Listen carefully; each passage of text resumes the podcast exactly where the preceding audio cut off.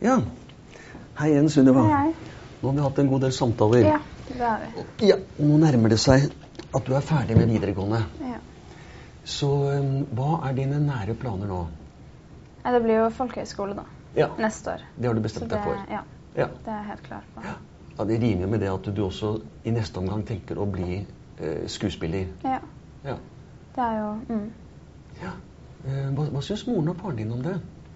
Mamma, de, de er veldig positive egentlig. De er det, ja. De er så fint, ja. De støtter meg Ja. fullt ut egentlig.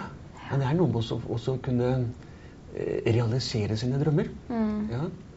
Eh, kreves det gode karakterer for å komme på Teaterhøgskolen, eller var det mer audition, som du sa? Det er mer audition som teller. Ja. Det er det.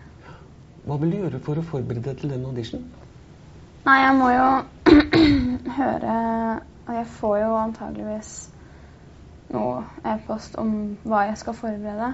Men jeg Ja. tror det blir veldig fritt. Det er det jeg har hørt. At det er på en måte du skal Ja, det blir veldig fritt. Ja. Mm. Så da må du vente til du får den e-posten, Ja. og så forberede deg.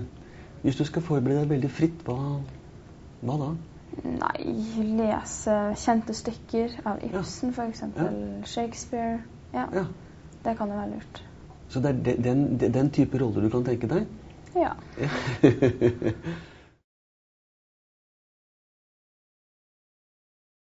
Mm.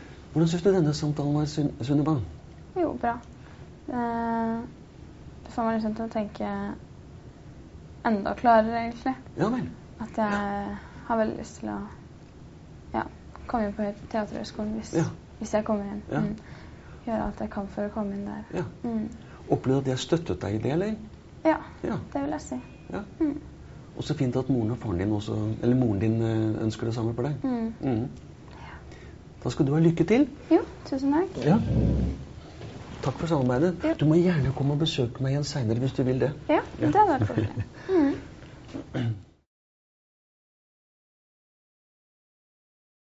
Denne siste samtalen skulle demonstrere den som jeg tror er en veldig vanlig samtaleform. Det som jeg kaller for prosessorientert veiledning. Eh, Den bygger på at de to som snakker sammen, skal være likeverdige. Det vil si, begge to skal delta. Eh, Det er ikke slik at eh, rådgiver skal snakke mest. Begge to skal delta og være like aktive. Og det skal foregå på den veilededes premisser. Vil si, eh, veileder skal være interessert i å danne seg et bilde av den som, veile, den som blir veiledet, hva vedkommende ønsker. Det skal være en samtale, en dialog. Det kan være vi avbryter hverandre, vi ler, vi assosierer litt fritt. Det skal være en løs, fin samtale. Jeg brukte et par teknikker i denne samtalen, og den ene kaller jeg for passiv-aktiv lytting. Passiv lytting det går ut på at jeg bruker døråpnere. Jeg sier mm, 'Jaså, sier du det? Fortell meg mer. Det var interessant.' Altså, Jeg sier ikke noe om hva jeg mener. Jeg bare prøver å formidle. Jeg hører hva du sier, og jeg vil gjerne høre mer. Det eh, som kalles for aktiv lytting, er at jeg gjentar noe av det Sunniva har sagt. Eh, forstår jeg det riktig når du sa at? Forstår jeg det riktig når det med venner var veldig viktig for deg i nå-situasjonen? Eh, ja, vil hun da si. Det jeg da melder tilbake, er at jeg har faktisk hørt at det med venner er av viktighet ni. Jeg sier ikke bare mm, jaså. Så det er passiv og aktiv lytting, teknikker som egner seg godt i en samtale. Jeg sa innenfor den formidlingspregete rådgivningen at det er ikke vanlig i Norge å ha den holdningen at vi skal gi råd. I den prosessorienterte strategien så kan man komme med faktiske opplysninger, man kan komme med alternativer, men man skal ha det flere av dem. Eh, kommer man med ett alternativ, så er det indirekte et råd. Sånn som jeg sa til Sunniva, eh, dette med arbeidsledigheten blant akademikere og skuespillere, da gir jeg indirekte råd om at du bør nok velge akademiker, en akademikerutdanning i første omgang. Som prosessorientert veileder så vil jeg kanskje si eh, Jeg vet at eh, den og den gikk den og den veien, og det blir slik og slik.